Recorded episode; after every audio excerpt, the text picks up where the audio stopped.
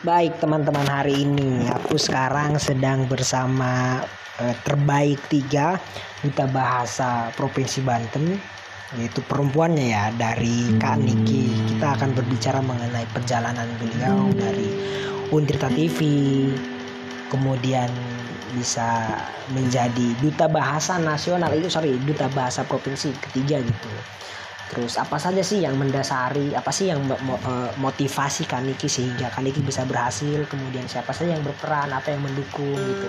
Apakah dia punya support system atau enggak? Nanti kita akan berbincang-bincang di sini.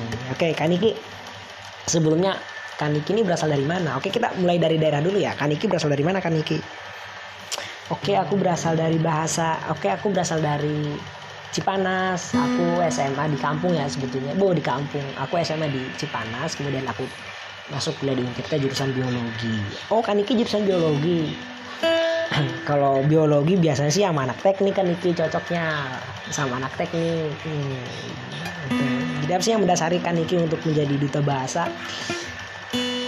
Di sela-sela kesibukan sebagai duta bahasa kemudian sekarang sedang PPL gitu uh, ada nggak support system dari Kaniki